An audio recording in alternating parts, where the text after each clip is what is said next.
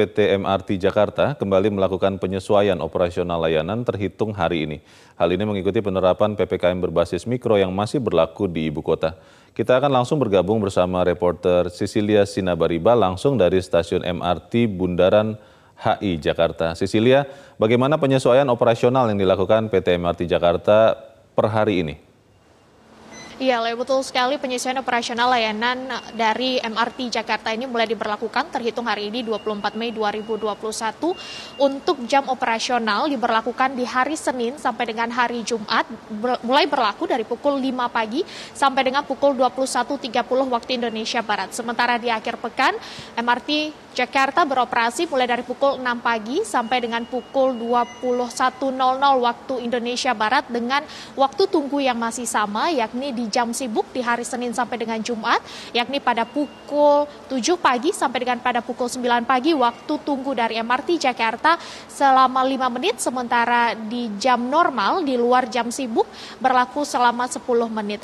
Penyesuaian operasional dari MRT Jakarta ini mengikuti keputusan dari Dinas Perhubungan DKI Jakarta nomor 169 dan juga mengikuti keputusan dari Gubernur DKI Jakarta nomor uh, eh, 615 terkait dengan perpanjangan pembatasan kegiatan masyarakat berbasis mikro atau PPKM mikro yang berlaku di wilayah DKI Jakarta hingga hingga tanggal 31 Mei 2021 mendatang.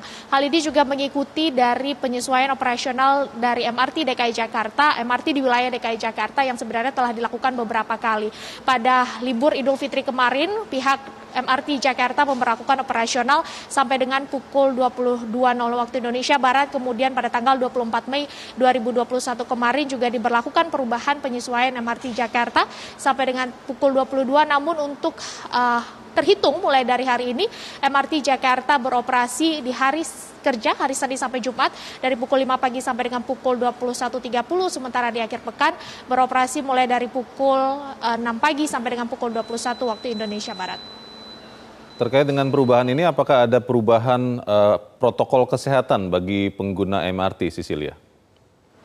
Leo sejauh ini tidak ada perubahan terkait dengan protokol kesehatan yang diberlakukan bagi para pengguna ataupun uh, mereka yang menggunakan MRT Jakarta hingga saat ini aturannya masih sama yakni wajib untuk mengenakan masker baik itu masker kain, masker medis maupun masker kain 95 dan juga mereka akan diukur suhu tubuhnya terlebih dahulu sebelum masuk ke wilayah stasiun dari MRT DKI Jakarta atau MRT Jakarta dan jika diketahui suhu tubuhnya lebih dari 37,3 derajat Celcius maka tidak diizinkan untuk menggunakan uh, moda transportasi MRT Jakarta. Selain itu juga dilakukan pembatasan dari kapasitas pengguna MRT Jakarta maksimal hanya 70 orang saja untuk satu gerbong kereta ditambah dengan masyarakat atau pengguna MRT Jakarta wajib untuk mematuhi marka dan juga pembatas yang telah disediakan.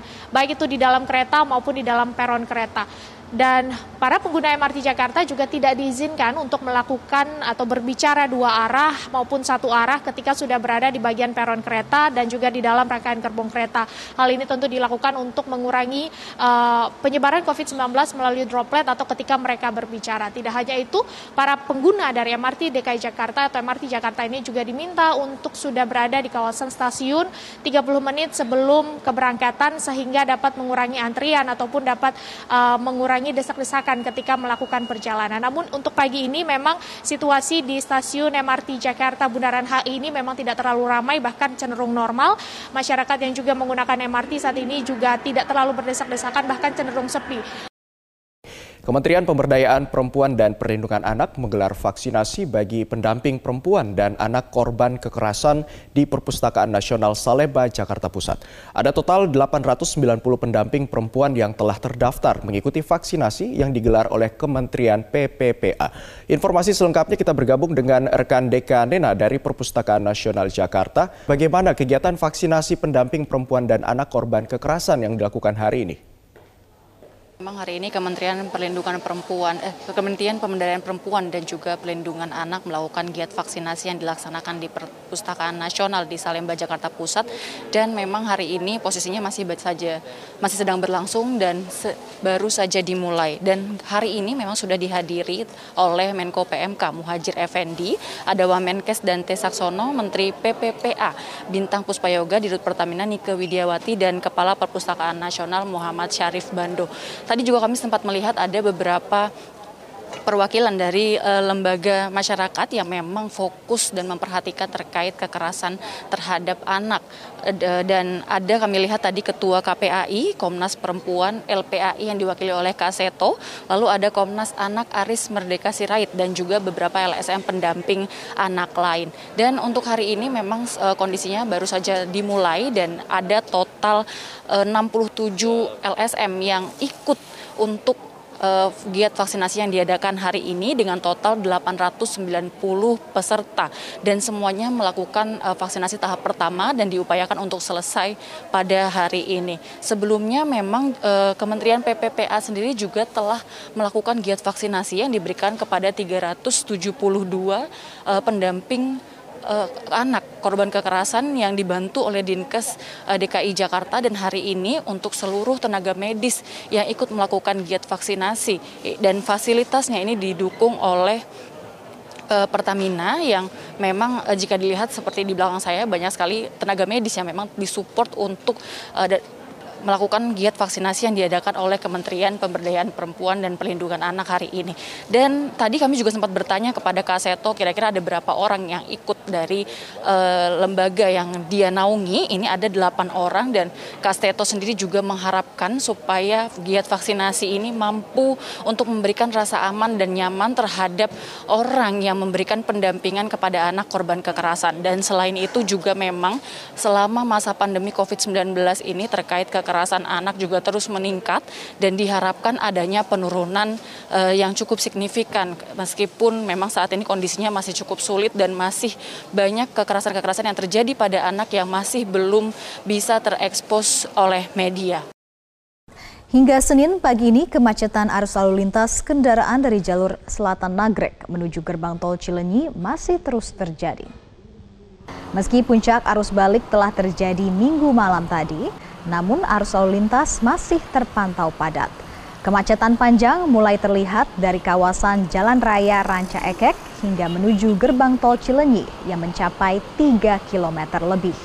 Selain disebabkan masih banyaknya kendaraan yang hendak menuju ke arah Jakarta, juga disebabkan mulai kembali beraktivitasnya warga untuk bekerja ke kota Bandung maupun Jakarta. Tidak hanya menuju gerbang tol Cilenyi arah Jakarta, kemacetan juga terjadi di jalur arteri kota Bandung yang didominasi oleh kendaraan roda 2. Arus balik kendaraan pemudik yang melintas di jalur Trans Sulawesi Barat masih terpantau padat. Meningkatnya arus balik kendaraan seiring dengan berakhirnya masa penyekatan larangan mudik yang berakhir pada hari ini. Hari terakhir penyekatan larangan mudik jalur Trans Sulawesi Barat terpantau masih padat merayap oleh arus balik kendaraan. Antrian panjang kendaraan ini terlihat di posko penyekatan mudik Desa Paku, Kecamatan Binuang, Kabupaten Polewali Mandar. Data dari posko mudik, arus lalu lintas kendaraan pemudik meningkat tajam dari hari sebelumnya. Ratusan kendaraan pemudik baik roda 2 maupun roda 4 yang masuk ke wilayah Sulbar tanpa menunjukkan surat keterangan bebas COVID-19 terpaksa diminta putar balik oleh petugas. Umumnya pengendara yang melintas merupakan pemudik yang hendak menuju berbagai kota seperti Kota Palu, Sulawesi Tengah, dan berbagai daerah lainnya. Petugas memperketat pemeriksaan di wilayah perbatasan lantaran jalur Transulbar merupakan pintu masuk yang menghubungkan antara Provinsi Sulawesi Barat, Sulawesi Selatan, dan Sulawesi Tengah. Pemberlakuan pembatasan aktivitas sosial kembali tegakkan di Kabupaten Bengkulu Selatan, Provinsi Bengkulu. Satgas membubarkan sejumlah lokasi yang akan menggelar hajatan resepsi pernikahan. Dengan mengerahkan gugus tugas utama berpatroli ke sejumlah wilayah di Bengkulu Selatan, Satgas COVID-19 Pemkap Bengkulu Selatan menandat, mendatangi satu persatu desa di beberapa kecamatan yang didapat laporan adanya resepsi pernikahan. Hal itu dilakukan menyusul bertambahnya pasien COVID-19 serta menghindari masuknya varian baru corona dari India yang lebih menular dan mematikan. Salah satunya di desa Lubuk Tapi, kecamatan Ulumana, mana di sini petugas meminta ahli rumah untuk membubarkan kerumunan orang yang berada di bawah tenda pernikahan dan memerintahkan pembongkaran segera tenda yang dibangun. Kepada pemilik hajat disampaikan bahwa hingga tanggal 26 Mei 2021 ini, sesuai edaran Bupati Bengkulu Selatan, bulan Mei ini ditiadakan kembali pesta pernikahan seperti yang diterapkan sebelumnya. Bahkan kali ini dilakukan lebih represif lagi dengan mendiadakan segala bentuk resepsi, baik itu skala kecil maupun besar. Untuk akad nikah tetap diperbolehkan, hanya saja dibatasi 10 orang di ruangan terbuka seperti di masjid ataupun aula desa.